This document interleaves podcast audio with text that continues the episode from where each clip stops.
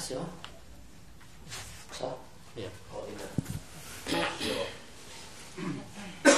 Alhamdulillah wassalatu wassalamu ala Rasulillah wa ala alihi wa sahbihi wa man tabi'ahum bi ihsanin ila yaumil Amma ba'du faqala al-musannif rahimahullah taala al-qaidatul ashiratu kaidah yang ke-10 al-bainatu 'ala al-mudda'i bukti itu kewajiban orang yang mengklaim wal yaminu 'ala man angkara dan sumpah itu menjadi kewajiban orang yang mengingkari tuduhan fi jam'i da'awa wal huquq wa ghairiha dan ini berlaku untuk semua klaim, semua permasalahan hak dan lainnya. Ini bagus.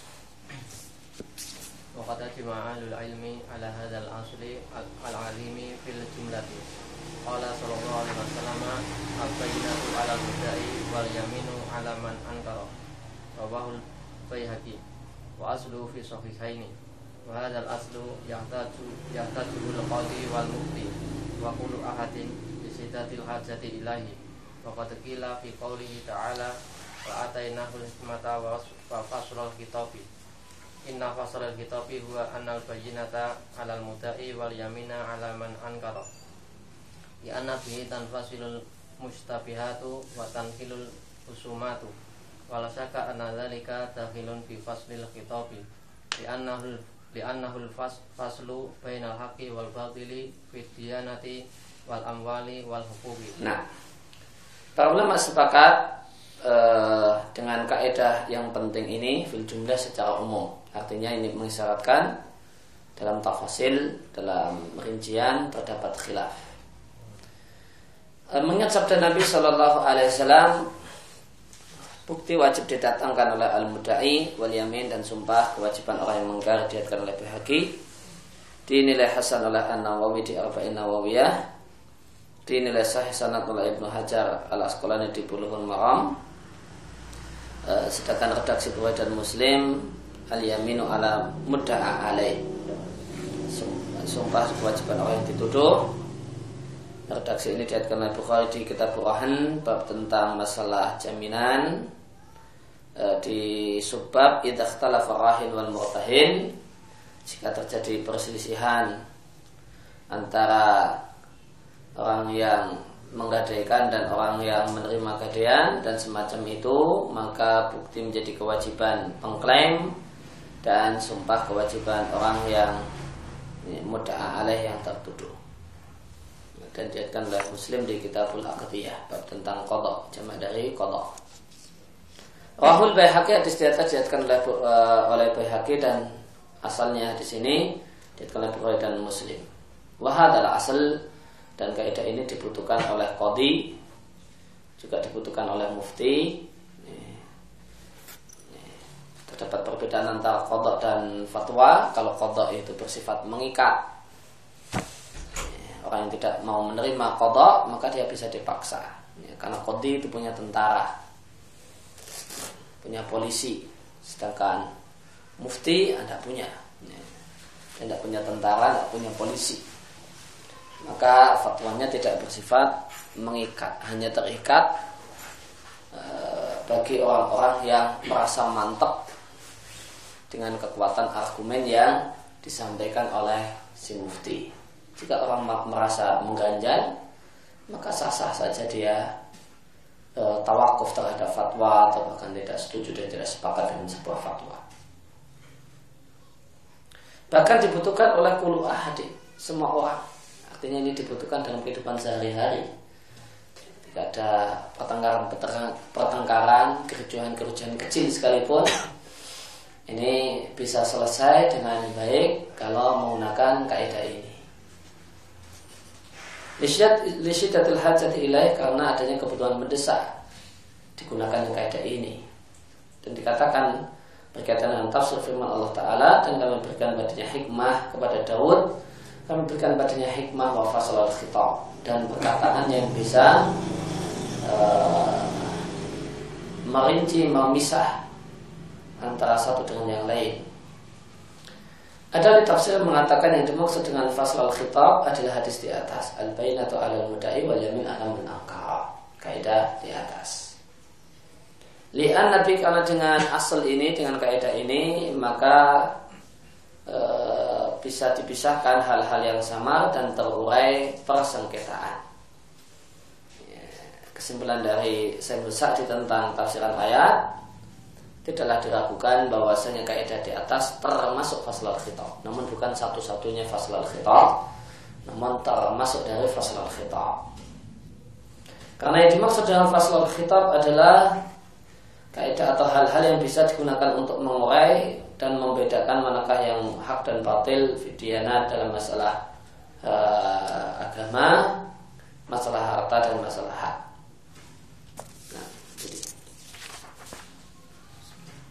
yadkhulu man mihda'a ainan inda ghairi au dainan ala ghairi au haqqan min huquqi ala ghairi wa alaihi al bayyinatu wa yaqulu ma abana al haqqa wa yaktalifu nisabaha nisabuha wa wa yaktalifu nisabuha wa haluha bi ikhtilafil alaihi fa in lam ya'ti bi bayyinatin tasyhadu bi sihhati da'wahu fa alai fa alal akhari al yaminu allati tanfi madda'ahu al mudda'i nah Fakulumat maka uh, semua orang yang mengaku-ngaku Ainan satu barang itu adalah miliknya Padahal barang itu indah ghairihi ada di rumah orang lain. Atau dainan ala Dia mengaku-ngaku kalau Orang lain itu punya utang. Artinya dia punya e, Dainan ala ghairihi. Dainan ala itu Artinya berhutang Jadi orang lain ghair di sini berhutang Kalau dainan li Itu artinya saya punya utang. Idan huwa sahibu dainan. Dainan. Man? Dainan ala ghairihi? Dain lahu. Adain lahu. Alladhi yajib. Hakku. Hakun lahu. Maka siapa yang mengklaim saya mengklaim bulan Wiwit itu punya utang sama saya ini dainan ala ghairihi.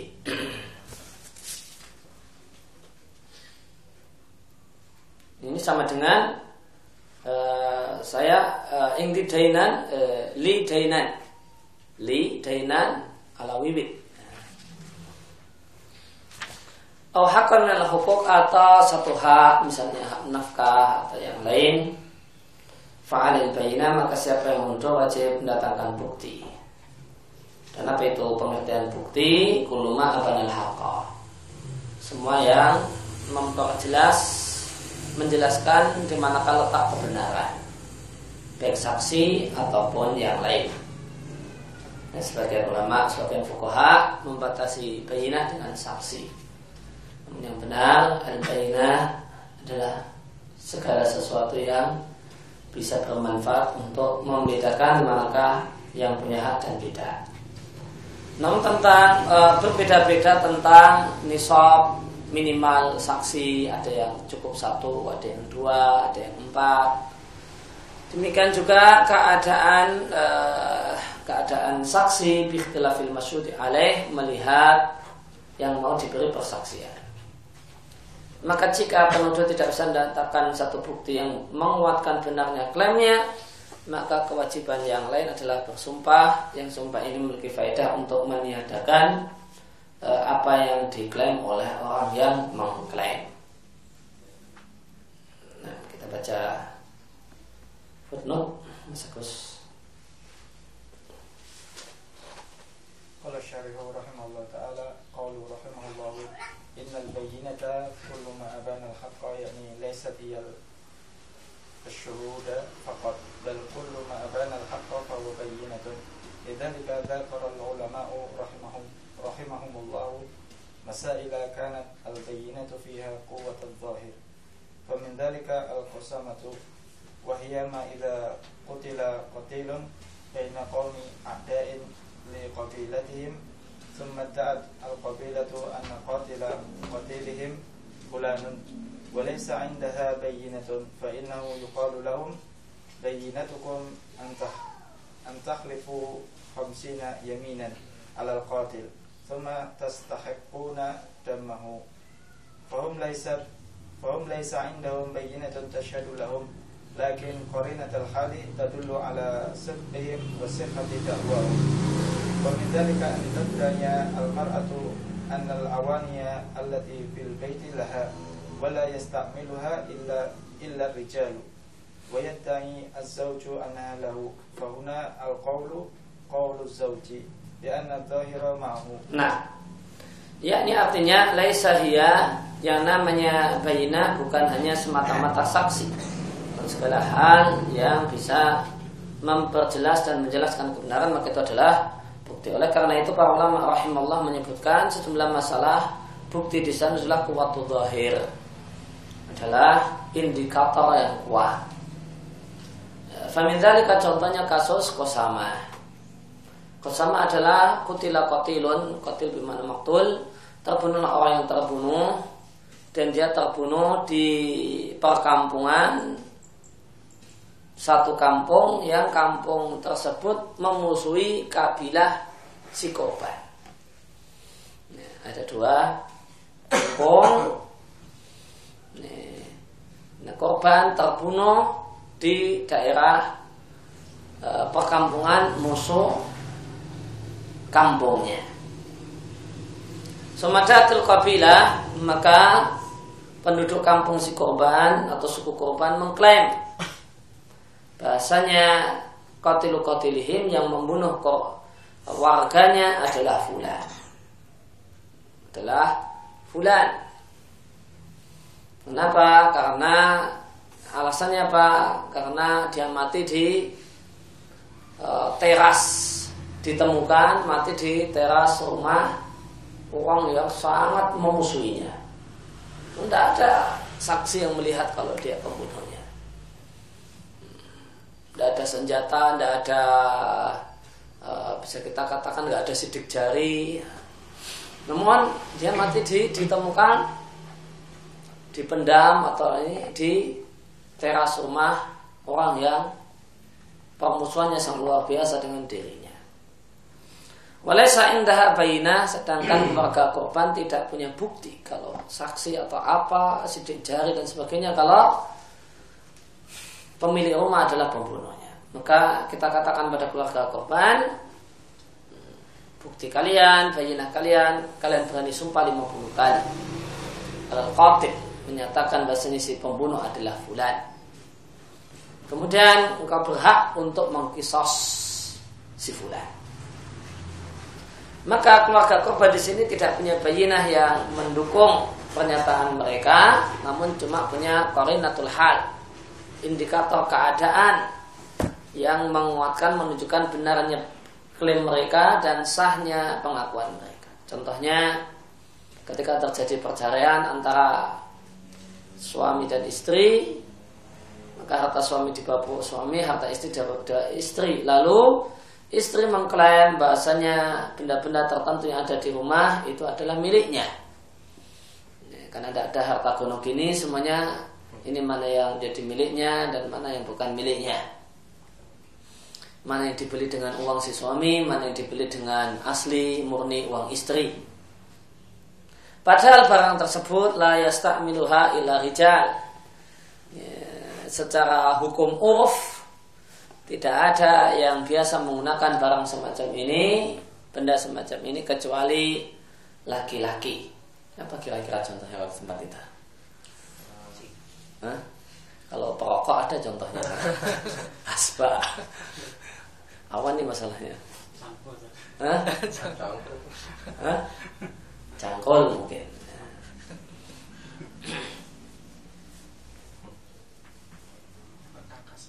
Hmm? Perkakas tukangnya gitu. Perkakas petukangan ya. Gaji. Gaji ya. ya. Motor sport. Hah? Motor sport. Oh, motor sport. Uh, pada saat hukum off la yastamila ila tidak ada menggunakan benda-benda tersebut kecuali laki-laki. Demikian juga suami mengklaim benda itu adalah miliknya dan dibeli dengan hartanya Fauna al qaul qalu. Maka dalam situasi ini yang kita menangkan perkataan suami alasannya li anad dhahir ma'hu indikator kuat bersamanya yaitu indikatornya apa? La yastamiluha illa rijal. Nah, Ustaz Kamal. وكذلك ما ذكره العلماء لو أن رجلا بيده عمامة وعلى رأسه إمامة فلحقه إنسان وهو يقول إمامتي إمامتي. وهذا الذي لحقه ليس عليه إمامة. فهنا تعارض الأصل والظاهر. فالأصل أن الذي بيده الإمامة تكون له والظاهر أنها لهذا الذي ليس عليه إمامة. وقد لحقه ويقول إمامتي إمامتي. فهنا نقول القول قول المدعي. لأن معه بينة تدل على أنه صادق وهو كونه ليس عليه إمامة وذاك عليه إمامة وبيد- وبيده إمامة ثم هو هارب أيضا وهذه قرينة ثانية تدل على أنه قد أخذها من المدعي Nah, demikian juga apa yang disebutkan oleh para ulama seandainya ada seseorang, nih, ada seorang laki-laki di tangannya dia pegang sorban, di kepalanya dia juga pakai sorban. Nih, Dia pakai pakai sorban namun juga megang sorban. Dan ini satu hal yang ghairu ma'ruf urfan. Nih, Satu hal yang tidak wajar secara urf. Orang menyatakan ini satu hal yang ganjil aneh, mencurigakan. Kenapa orang kok sudah pakai sorban bawa sorban? Untuk apa dia bawa double? Kenapa orang pakai songkok hitam namun juga pegang songkok hitam ya? Dan dia bukan penjual songkok. Dia orang biasa saja. Falahi kau insanun lalu dia dikejar oleh seseorang yang orang tersebut mengejar sambil mengatakan sorbanku, sorbanku. Lahikahu dan yang mengejar tersebut laisa ali imaman tidak pakai sorban. Fahuna maka di sini ta'aradal al aslu wa zahir. Maka dalam kondisi ini, dalam kasus ini terdapat pertentangan antara hukum asal dan zahir. Yaitu qarinah. Eh, Zahiratul qarinah atau zahiratul hal. Fal asal yang dimaksud dengan asal di sini adalah eh, orang yang di tangannya pegang sorban maka sorban itu miliknya. Namun zahir menunjukkan annaha lihada. Eh, Namun indikator menunjukkan bahwa sorban tersebut milik orang yang tidak pakai sorban. Dan dia pun mengejarnya sambil mengatakan sorbanku sorbanku. Dan orang yang memakai eh, sorban kok kemudian memegang sorban? Nah ini satu hal yang eh, dianggap eh, menyimpang dari al-urf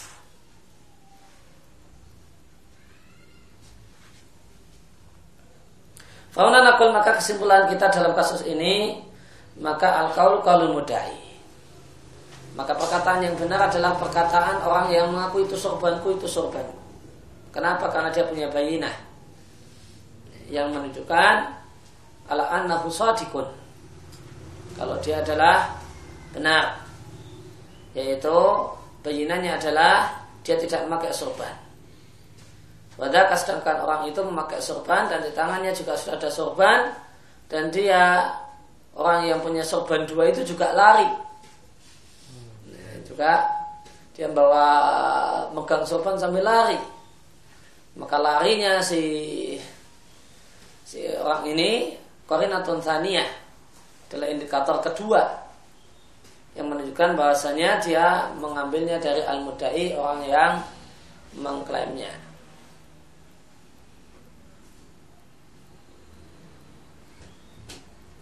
Ya, ada orang cerita kalau di Belanda itu kalau malam hari kok lari itu korinah kalau dia pencuri. Maka tidak boleh lari kalau malam hari karena itu di off-nya orang Belanda malam hari kok lari itu pencuri. Maka ya indikator boleh jadi berubah berbeda dari satu tempat ke tempat yang lain. Kalau kita ya tidak sampai malam-malam lari ya masih biasa aja. Nah, tapi kalau di Belanda sudah luar biasa. Nah, maka polisi bisa kemudian nangkap sekedar orang tuh malam-malam lari. Nah, kemudian ditimpai pasal pencurian. Nah, kalau uraian Nutemin seperti ini masalah sorban tadi dan ada uraian yang lain yang mengatakan uh, bahwasanya yang punya yang megang dua sorban tadi itu statusnya mudai dan dia punya kewajiban mendatangkan bukti kalau dua-duanya adalah sorbannya. Hmm. Kalau dia tidak bisa mendatangkan bukti, maka al mudaa alaih yang ngejar. Dia cukup bersumpah demi Allah itu sorbanku, sorban yang di tangannya itu sorbanku. Ini uh, orang yang lain mengatakan demikian seperti di uh, Jami Ulum wal Hikam ketika menjelaskan hadis Jamin alal mudai wal uh, al bainat alal mudai wal min alaman angkara. Maka yang dimaksud mudai yang punya kewajiban datang bukti adalah yang punya sorban dua sorban tadi, yang megang dua sorban tadi. Sehingga terdapat perselisihan pendapat tentang di antara para ulama tentang definisi mudai. Mudai itu siapa? Apakah sekedar ada orang yang mengaku itu sorbanku itu mudai? Ini nampaknya ini kaidah yang dipakai oleh Zamrud Itu sorbanku maka dia berarti mudai. Kemudian dia dianggap punya bukti, buktinya adalah tadi korina, korinatul hal sebagian ulama mengatakan yang dimaksud dengan mudai tidak hanya sekedar itu sobanku itu belum tentu mudai. Itu punya aku itu belum tentu mudai. Nah, mudai adalah orang yang yukhalif asal atau yukhalif al urf ada dua uh, ada dua macam. Ima yukhalif al asal yukhalif al asal tadi contoh asal misalnya Eh, jika barang itu ada di tangan seseorang maka asalnya dia adalah miliknya.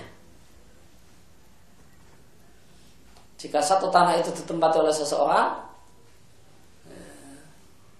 uh, bahkan dia telah menempatinya puluhan tahun, bahkan sudah beranak cucu di situ, nah, maka hukum asalnya tanah itu adalah tanah milik dia.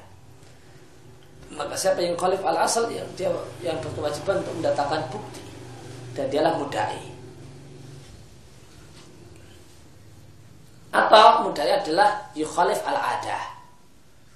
Satu off, ada satu off di uh, satu masyarakat. Siapa yang yukhalif al off? Yukhalif al off, maka dia wajib untuk mendatangkan bukti. Off orang ya, pakai sorban ya cukup satu. Kalau dia bukan jualan sorban, sambil nenteng sorban yang lain, makanya yukhalif al, al sehingga dia mudai. Ya, buktikan. Kalau eh, kalau sorban tersebut itu adalah milikmu.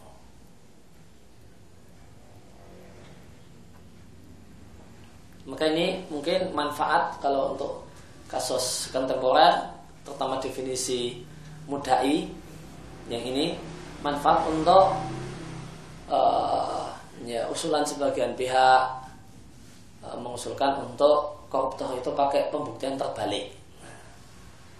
Dia diminta untuk mendatangkan bukti itu harta halal bagi dirinya. Maka itu bisa pembuktian terbalik itu bisa kita kita apa, benarkan dengan menggunakan definisi uh, mudai definisi yang kedua yukhalifil alada dan yukhalif al -of ini PNS dan dia tidak punya sambilan.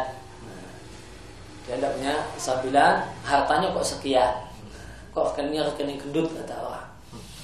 Nah, dia PNS 3A kerjaannya apa bagian apa tunggangan jabatannya sekian. Dia tinggal di mana kan bisa dihitung. Bisa dihitung. Loh kok sampai rekeningnya kok sekian? Ini khalif al-urf yukhalif al-ada. Ini menyelisih hukum uh, hukum ada. Maka dia dialah uh, mudai. Dia statusnya mudai. Dia wajib datangkan bukti kalau ini adalah harta halal saya. Maka jadinya pembuktian terbalik. Namun berarti ya tidak semua tidak semua bisa uh, pakai pembuktian terbalik. Ya, bisa dengan ya uh, dia melihat ini backgroundnya anak orang kaya atau tidak dia punya usaha atau tidak dia mulai usaha sejak kapan nanti dilihat. Ya, dan seterusnya maka nanti bisa difonis ini menyelisih sehingga dia punya kewajiban untuk mendatangkan bukti kalau itu harta halal untuk dirinya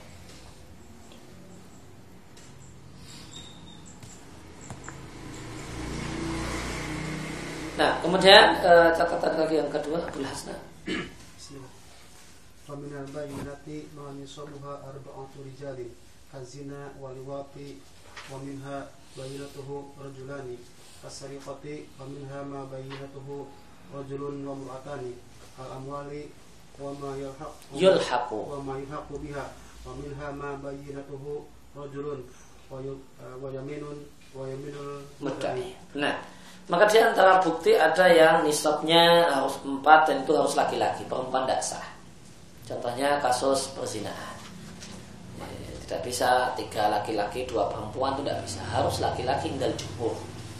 Ya, semuanya empat-empatnya harus jenis kelaminnya adalah laki-laki. Demikian juga lewat. Wamin dan ada yang e, buktinya adalah dua orang, dua orang seperti kasus pencurian. Saya lihat dia yang mencuri. Dan ada yang e, bayinah adalah satu laki-laki dan dua perempuan e, kalamwal untuk e, transaksi finansial, ya, utang piutang, sewa menyewa. Wa mayul biha dan yang bisa disamakan dengan amwal. Waminha dan di antara kasus ada yang Bayinahnya adalah satu laki-laki dan sumpah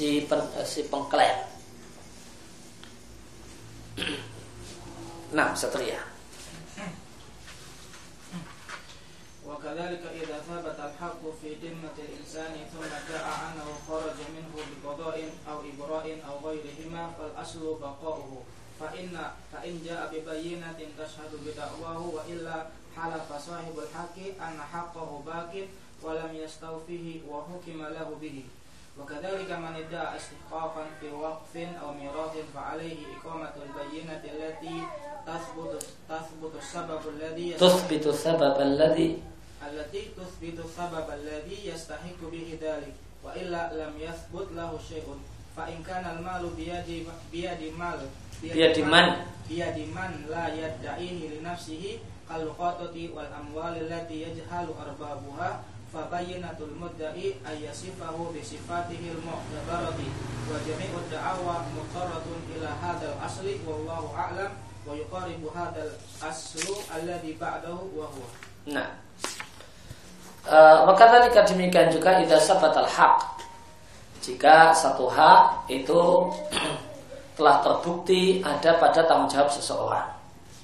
Kemudian orang tersebut orang yang berkewajiban orang yang berkewajiban tadi mengklaim kalau dia telah keluar dia telah menunaikan, telah keluar dari kewajibannya.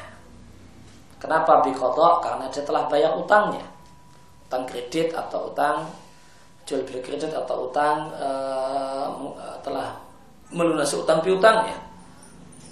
Oh ibro atau dia telah diputihkan oleh orang yang mengutang atau yang lainnya.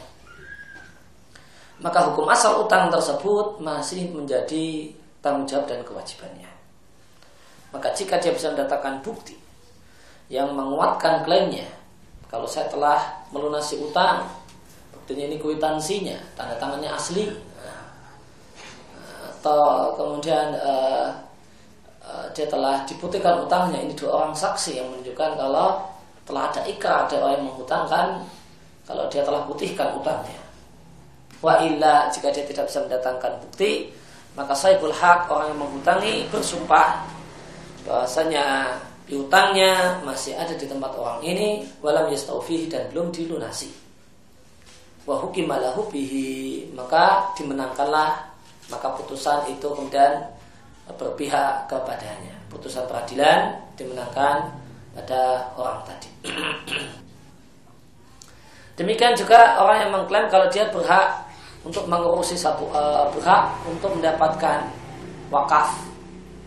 Maksudnya berhak untuk mendapatkan ya, mendapatkan hasil wakaf. Misalnya ada wakaf toko atau wakaf hotel telah diikrarkan siapa yang nanti keuntungan ini untuk siapa sama pewakaf sudah disampaikan keuntungan untuk si A, si B, si C. Ada orang mengklaim saya termasuk orang yang uh, berhak atas keuntungan usaha wakaf ini. Kalau miras atau berhak untuk mendapatkan warisan, maka dia wajib mendatangkan bukti. Yang bukti tersebut menunjukkan uh, ada padanya sebab yang dengannya dia berhak atas harta wakaf atau warisan. Wa illa wa illa lam yuthbit la uh, yathbut lahu syai' jika tidak ada satupun yang bisa menguatkannya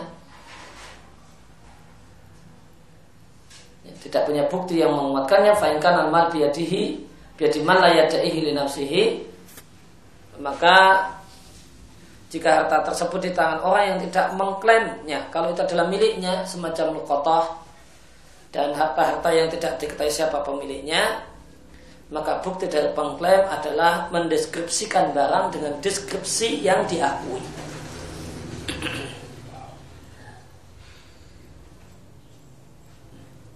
Maka di sini bayinah untuk orang yang mengaku ini adalah milik saya, harta temuan harta temuan yang ada di tangan seorang itu adalah milik saya, bayinahnya adalah mampu mendeskripsikan. Wajib awal maka semua klaim itu tidak boleh tidak membutuhkan kaidah ini. Wallahu alam.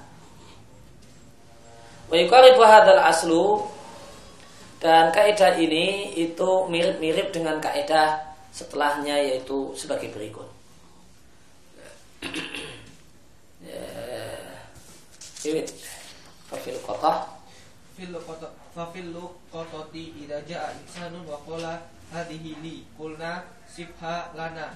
Faida wasofaha fantabaqal wasfa. Wasfu. Fantabaqal wasfu alaihi aqtaina iyahu biduni yaminin biduni syuhudin. Di anna man hiya biyadihi lam yadda'iha li nafsihi hatta nakula la budda lil mudda'i min bayyinatin.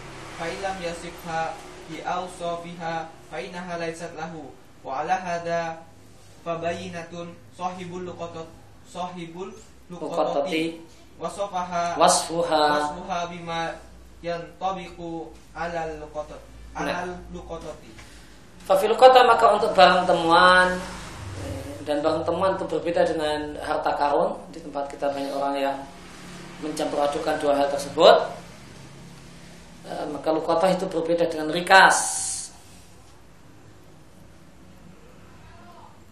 Fafil kota maka dalam lukota jika seorang mengatakan bahasanya benda itu adalah milikku, maka kita katakan deskripsikanlah benda ini pada kami. Maka jika dia bisa mendeskripsikannya dan deskripsinya intobak memang cocok alaihi dengan benda tersebut, kita berikan benda tersebut kepadanya tanpa perlu dia bersumpah, tanpa perlu dia mendatangkan saksi.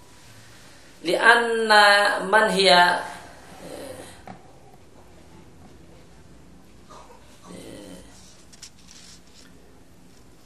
Karena orang yang benda tersebut ada di tangannya dia tidak mengklaim itu miliknya.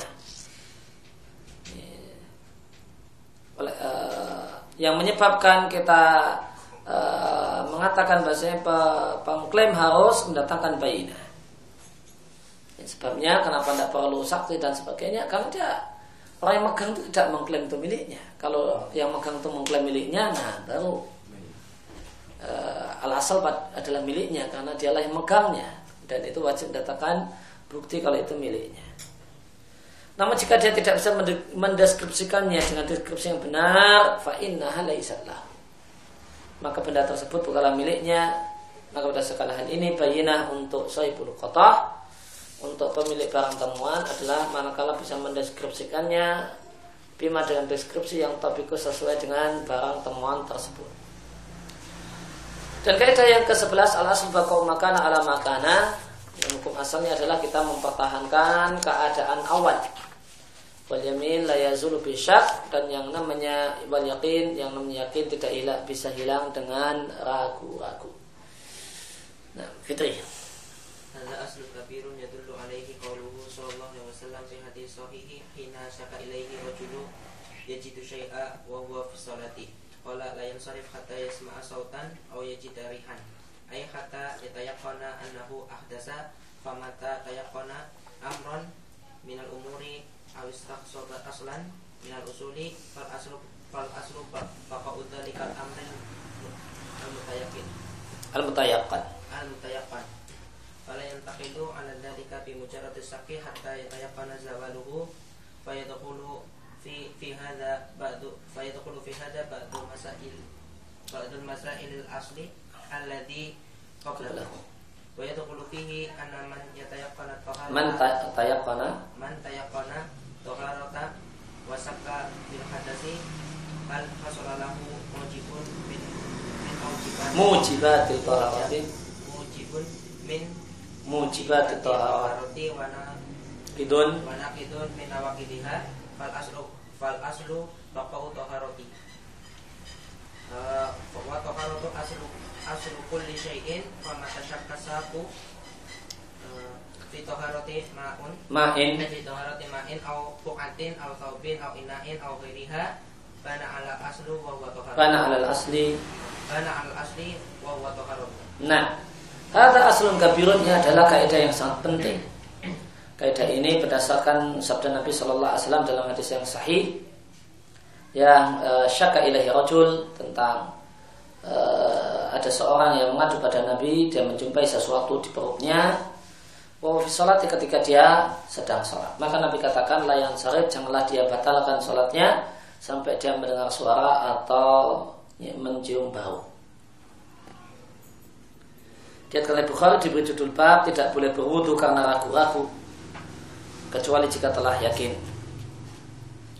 Eh, oleh Muslim diberi judul bab oleh Nawawi bab dalil siapa yang yakin dalam keadaan taharah dan ragu-ragu kalau dia hadas falahu maka dia boleh untuk sholat dengan menggunakan taharah yang ragu-ragu atau taharah yang taharah tersebut. Artinya hatta yataqayan annahu ahdasa sampai dia yakin kalau dia benar-benar berhadas. Berdasarkan hadis ini bisa kita katakan asal muasal kaidah adalah cara pembuatan kaidah fikih dalam hal ini adalah mimbabil qiyas. Mimbabil qiyas. Eh, Dasarnya adalah hadis, hadisnya tentang masalah taharah. Eh, Kemudian eh, diambil ilahnya, maka kemudian uh, ilahnya itu yang jadikan kaidah. Nah, ilahnya itu yang jadikan kaidah. Kemudian kasus-kasus yang lain ya, kita samakan, artinya kita kiaskan.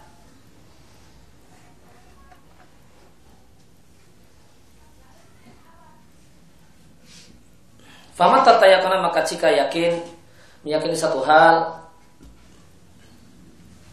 atau istasaba aslam minal usul atau mempertahankan hukum asal.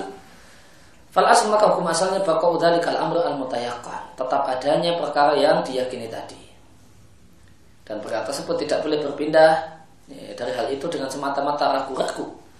Sampai ya, kecuali jika telah yakin kalau itu berubah. Faidulu fi hadha maka termasuk dalam kaidah ini sejumlah permasalahan yang telah dibahas di kaidah sebelumnya. Dan termasuk dalam kasus ini siapa yang yakin kalau dia dalam kondisi toharoh kemudian dia ragu-ragu tentang hadas apakah terjadi pada dirinya mujib faktor yang mengharuskan untuk toharoh dan salah satu pembatal toharoh fal maka hukum asalnya adalah dia masih tetap dalam keadaan toharoh dan bersih adalah hukum asal segala sesuatu maka jika seorang ragu-ragu jika ada orang yang ragu-ragu tentang bersih tidaknya air atau tempat atau kain atau bejana atau yang lainnya maka adalah dia bangun berdasarkan hukum asalnya yaitu kalau itu tahara. Orang yang ragu-ragu apakah lantai di sini najis ataukah tidak karena yang tuan rumah punya anak kecil dan tidak begitu tahu hukum masalah najis maka sekedar ragu-ragu jangan-jangan ini adalah e, lantai yang najis. Ini tidak bisa dipakai. Selama tidak ada indikator kuat kalau najis maka hukum asalnya adalah suci. Nah bagus. Footnote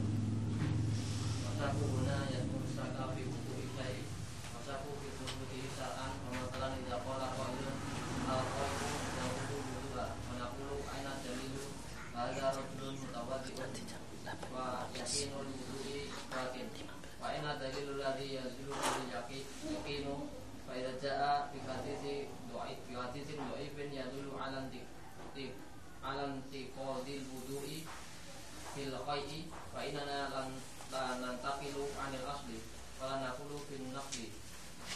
Kadzalika law qala qailun idza tamat mudatul masfi ala al-kufaini intaqadul wudu'a wudu'u qulna la yantaqidu li'anna li'anna wudu'a thabata fi muqtadi dalilin bi muqtada dalilin syar'iyyin muqtada dalilin syar'iyyin fala yumkinu an yantaqidu an yantaqidu illa bi dalilin syar'iyyin Kadzalika law qala qailun idza qala al al awil jauh jaurobaini ba'da masihima intaqada wudu'uhu Qulna la yantaqidu li anal wudu'a sabata bi muqtada dalilin syar'iyyin fala yumkinu ayantaqid ayantaqidu illa bi dalilin syar'iyyin Nah, masyakkan ragu-ragu di sini mencakup dua hal. Pertama, ragu-ragu terjadinya sesuatu dan ragu-ragu tentang eh, benarnya hukum satu perkara dalam syariat.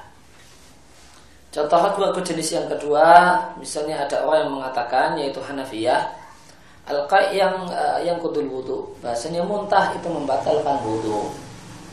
Maka kami katakan, kita katakan pada Hanafi, Aina dalil, mana dalil yang menunjukkan kalau muntah itu membatalkan wudhu. Fadha rajulun, maka orang ini adalah orang yang berwudhu dan dia yakin wudhunya masih ada pada dirinya. Maka mana dalil yang menghilangkan keyakinan ini? Jika dia datang membawakan hadis yang taif yang menunjukkan batalnya wudhu karena muntah, maka kita tidak bisa berpindah dari hukum asal sehingga kita tidak bisa mengatakan batalnya wudhu gara-gara muntah. Ya, maka hadis yang ada tentang batalnya wudhu karena muntah adalah hadis yang baik. Demikian juga terdapat hadis yang menunjukkan e, berdasarkan perbuatan Nabi, Nabi muntah kemudian berwudhu. Nah ini hadis yang sahih namun tidak bisa menunjukkan batalnya wudhu karena ini semata-mata perbuatan Nabi. Dan perbuatan Nabi menghasilkan hukum anjuran, tidak menghasilkan hukum kewajiban, apalagi e, syarat sehingga menyebabkan batal. Demikian juga seandainya ada orang yang mengatakan idza tammatil muddatul mashi jika telah selesai, telah habis masa mengusap dua khuf, maka intaqadal wudu, maka wudu batal sebagaimana pendapat jumhurul fuqaha. Kulna maka kami katakan dan saya Muslimin menyelisih jumhur dalam masalah ini mengikuti saya Musa'di dan uh, Ibnu Taimiyah sebelumnya. Kulna la yang taqidu kami katakan dengan semata-mata berakhirnya selesainya 3 kali 24 jam itu tidak menyebabkan batal wudhu alasannya karena wudhu telah ada e, sebagai hasil dari dalil syar'i. Maka telah tidaklah mungkin ayam takidah kalau wudhu tersebut batal kecuali juga dengan dalil syar'i. Demikian juga seandainya ada orang mengatakan seandainya seorang itu melepas khuf atau kaos kakinya setelah dia usap maka wudhunya batal dan juga pendapat jumhur. Ya. maka kami katakan e, itu tidak batal. Alasannya karena wudhu telah ada di muqtada dalil syar'in dasarkan dalil syar'i maka tidaklah mungkin dia kita katakan batal kecuali juga dengan dalil syar'i. Ini kaidah yang penting uh, yang beliau sampaikan jika ada satu amal itu telah ada sahabat bi muqtada dalil syar'i maka kita tidak akan perintahkan untuk mengulangi atau mengatakan batal illa bidalil syar'i.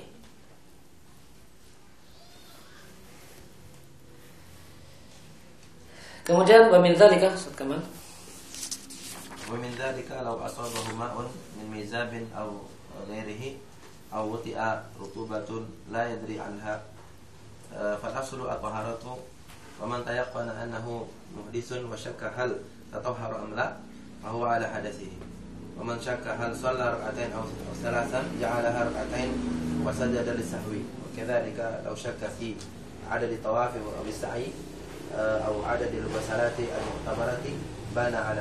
nah di antara contoh kasusnya adalah orang yang ketetesan air dari miza dari talang air atau yang lain atau dia menginjak satu yang basah-basah dan dia tidak tahu apa yang basah-basah tersebut najis ataukah bukan.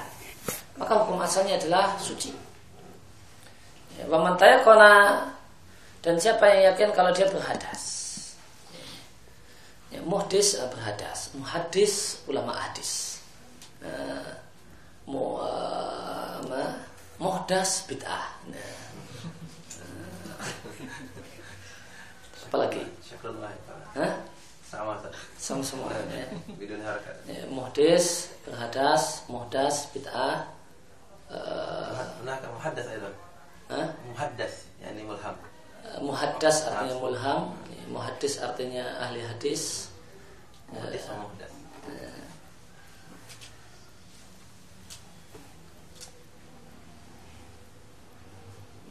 Nah, wasyakka dan dia ragu-ragu apakah telah taharat ataukah tidak, maka dia tetap dia dalam kondisi hadas. Dan siapa yang ragu-ragu apakah dia sudah sholat dua rakaat ataukah tidak, maka adalah dia jadikan dua rakaat dan dia perlu sujud untuk sahwi.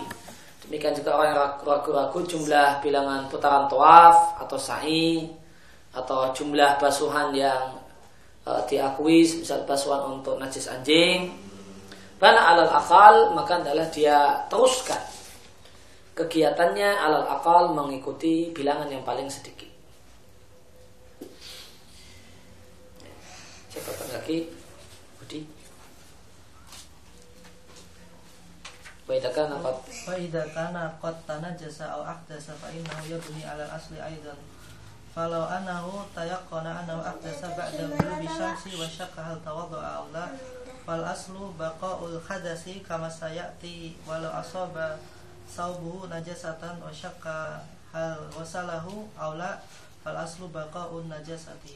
Nah, Ida karena kota tanah jasa jika satu benda itu telah terkena najis atau seorang itu e, mengalami hadas faina ya bani alal asli aida Maka dia juga lanjutkan berdasarkan hukum asalnya Yaitu najis dan hadas Seandainya orang tuh yakin kalau setelah tenggelam matahari dia baru saja kentut berhadas kemudian dia ragu-ragu apakah sudah berwudu ataukah tidak maka hukum asalnya adalah dia tetap dalam kondisi hadas. Sebagaimana penjelasan akan yang akan datang. Dan jika seorang itu telah mengetahui bahasanya pakaiannya itu asobat terkena najis atau najis dan dia ragu-ragu apakah sudah menyucinya mencucinya ataukah belum maka hukum asalnya masih najis dan belum dicuci. Ya, kemudian catatan kaki dua Mas Agus قال الشارع رحمه الله تعالى لأنه لأنه اليقين وهذا إذا لم يغلب على ظنه أحد الطرفين فإن غلب على ظنه فإنه يبني عليه وقد سبق لنا في كلام المؤلف أن العبادات يكتفي فيها بغلبة الظن وجاءت سنة بهذا ففي حديث ابن مسعود رضي الله عنه إذا شك أحدكم في صلاته فليتحرى الصواب فليتم عليه وعليه فنقول إذا كان الشيء مما يكفي في غلبة الظن فإنه يبني على غلبة الظن فإذا شك هل صلى ثلاثا أو أربعا وغلب على ظنه أن أربع فهي أربع ويسجد للسهو وكذلك يقال في عدد السعي وفي عدد الطواف فإذا شك هل هذا هو السابع أو السادس وغلب على ظنه أنه السابع انتهى طوافه. وإذا غلب على ظنه أنه السادس فإنه يأتي بالسابع. وإذا تردد ولا ترجيح عنده قلنا ائت بالسابع ولا يسجد ولا يسجد للسهو. لأن لأن أصل هذه العبادات ليس فيها سجود فكيف يكون هناك سجود للشك فيها وهذا مما يدل على أن الحديث المروي بأن الطواف بالبيت صلاة لا يصح مرفوعا عن النبي صلى الله عليه وسلم Nah. Eh, li'anahu al yakin karena itulah yang yakin dan mengacu kepada ghalabatul dzan ini berlaku selama ti- eh, mengacu pada hukum asal selama berla- berlaku selama tidak ada ghalabatul dzan. Sebentar.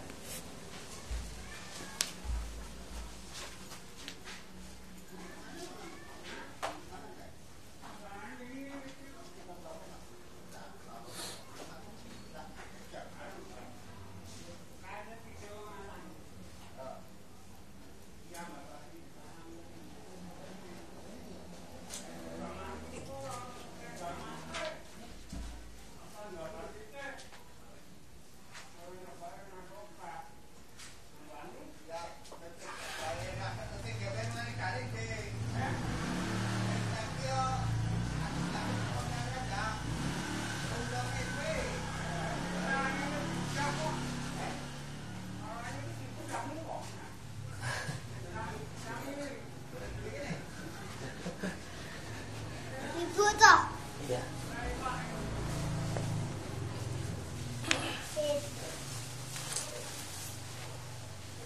Nah, e, kepada hukum asal itu berlaku selama tidak ada ghalabatul dzan. Ini kaidah.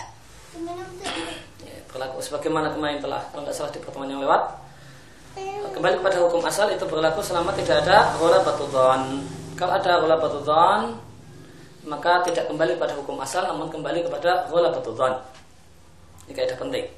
Bahwa di dalam jaglab al dhani ahadu taqafain. Ini berlaku jika tidak ada ghalabatul dzan yang menguatkan salah satu dari dua kemungkinan. Fa idza ghalaba ala maka jika eh, terdapat sangkaan kuat fa innahu yabni alaihi maka adalah dia teruskan ibadahnya dengan sangkaannya tuh tadi. Waqad sabaqala nafi kalamil mu'alif dan ini telah kita bahas telah lewat kita bahas dalam perkataan penulis bahasanya ibadah itu cukup dengan ghalabatul dhan. Wajahat as-sunnah dan terdapat dalil hadis yang menjelaskan hal ini eh, yaitu hadis Ibnu Mas'ud eh, radhiyallahu anhu Nabi mengatakan jika salah satu kalian ragu-ragu tentang sholatnya falyatahari. Maka dia adalah dia pilih as yang benar. Falyutima alaihi maka adalah dia sempurnakan berdasarkan pilihannya pilihan yang berdasarkan sangkaan kuat tadi. Wa alaihi fanaqul maka berdasarkan hal ini kita katakan e, jika sesuatu tersebut cukup dengan sangkaan kuat maka adalah kita teruskan berdasarkan sangkaan kuat. Sehingga jika seorang teragu-ragu apakah sholat tiga rakaat atau empat rakaat dan ada sangkaan kuat kalau itu empat rakaat maka itu adalah empat rakaat. E, mengikuti sangkaannya dapat empat rakaat. Faya arba'u arbaun itu adalah empat rakaat. Dan ketika itu kata Syekh Nuthimin perlu dia sujud untuk sahwi demikian juga kita katakan untuk bilangan sa'i.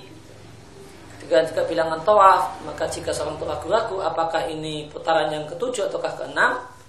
Dan ada sangkaan kuat. Karena adalah ketujuh maka selesailah tawafnya jika ada sangkaan kuat kalau ini adalah enam, maka adalah dia tambah satu putaran lagi sebagai putaran yang ketujuh. Baik tata dada dan jika orang tawaf itu bimbang dan dia tidak bisa memilih, dia tidak bisa memilih itu bisa maka kerjakanlah tawaf yang ketujuh. Dan untuk masalah tawaf tidak ada sujud sahwi. Kalau ragu-ragu dalam tawaf nggak ada sujud sahwi. Kalau ragu-ragu dalam sholat ada sujud sahwi. Karena apa? Karena hukum asal ibadah ini yaitu tawaf tidak ada sujudnya. Maka bagaimanakah mungkin kita katakan ada sujud untuk ragu-ragu dalam tawaf? Maka realita ini adalah indikator atau korinah fiqhiyah yang menunjukkan bahasanya hadis yang diriwayatkan yang mengatakan tawaf mengelilingi Ka'bah adalah sholat adalah hadis yang uh, tidak sahih sebagai hadis yang marfu kepada Nabi Shallallahu Alaihi Wasallam. Hadis tersebut dicatatkan kaki diatkan oleh Tirmidzi, uh, kemudian Darimi, Ibnu Uzaimah uh, waqad ukhtulifa fi raf'ihi wa waqfihi. Atau uh, riwayatnya berselisih. Di satu versi dikatakan marfu di versi yang lain dikatakan mauquf diriatkan oleh Nasai dalam Sunan Kubra sebagai mauquf dan Baihaqi memilih uh, merojihkan kalau ini yang benar adalah mauquf kata Ibnu Abbas. Uh, demikian di Sunan Kubra, demikian juga yang memilih mauquf adalah Nawawi di Sarah Muslim. Demikian juga Syekhul Islam Abu Abbas bin Taimiyah di Majmu' Fatawa di jilid ke-21 dan 26. Bakal Taimiyah mengatakan wa al ma'rifati bil hadis dan para ulama hadis tidaklah menilai hadis itu sebagai hadis yang sahih kecuali mauquf. Maka mereka katakan itu adalah perkataan Ibnu Abbas dan mereka tidak menetapkan itu adalah hadis yang marfu'. Di jilid yang ke-26 Ibnu Taimiyah mengatakan Kemudian aku merenung, kemudian jelaslah bagiku bahasanya toharoh dari hadas bukanlah syarat sah tawaf. Bahkan tidak wajib dalam tawaf tanpa ragu. Cuma dianjurkan untuk uh, bersih uh, untuk bersih dari hadas kecil alias melakukan taharah kecil. Fa'inna adillah syariah karena dalil-dalil syariat hanyalah menunjukkan tidak wajibnya toharoh dalam tawaf. Walau sefi syariah dan tidak terdapat dalam syariat dalil yang menunjukkan wajibnya toharoh kecil fihi dalam tawaf. Maka permasalahan apakah orang yang mau tawaf itu wajib wudhu atau syarat itu sebagai syarat syarat sah tawaf. Atau punya mustahab satu hal yang diperselisihkan ulama. Jumhur ahli ilm mengatakan wajib uh, wajib wudhu dalam tawaf. Jika tidak dalam kondisi berwudhu tawaf batal. Namun ba'du ahli ilm berpendapat kalau itu bukanlah satu kesyarat dan bukan satu keharusan namun cuma mustahab saja dianjurkan kalau tidak wudhu yang tidak apa-apa, berwudhu lebih baik. Di tengah tawaf kentut ya sudah tinggalkan teruskan eh, karena bukan satu kewajiban. Dan ini adalah eh, pendapat yang dipilih kita lihat Abu Labas Temiyah. Demikian juga pendapat yang dipilih oleh Ibnu Saimin rahimahullah taala dan di antara akar permasalahannya di antara akar permasalahannya adalah hadis at-tawafu bil baiti salatun itu hadis yang sahih ataukah hadis yang daif ataukah tidak sahih secara marfu sekedar perkataan Ibn Abbas yang dinilai ini adalah istihad Ibnu Abbas dan bukan satu uh, hal yang bernilai marfu. Nasib Nuthamin uh, memilih hadis ini adalah hadis yang daif dan sebelumnya daifnya hadis ini adalah pendapat uh, untuk marfu itu adalah dhaif ya, dan sebelumnya adalah ini pendapat Abu Labas Temiyah lain hanya dengan Al Albani yang menilai hadis ini adalah hadis yang sahih marfu'an yang tentu nanti akan menyebabkan terjadinya eh, kesimpulan hukum yang berbeda. Demikian naktafi bihadzal qadar sallallahu alaihi wasallam ala nabiyina Muhammadin wa ala alihi washabihi wasallam wa arabana alhamdulillahi rabbil alamin subhanaka allahumma wa bihamdika asyhadu an la ilaha illa anta astaghfiruka wa atubu ilaik. Beklekis kulut ala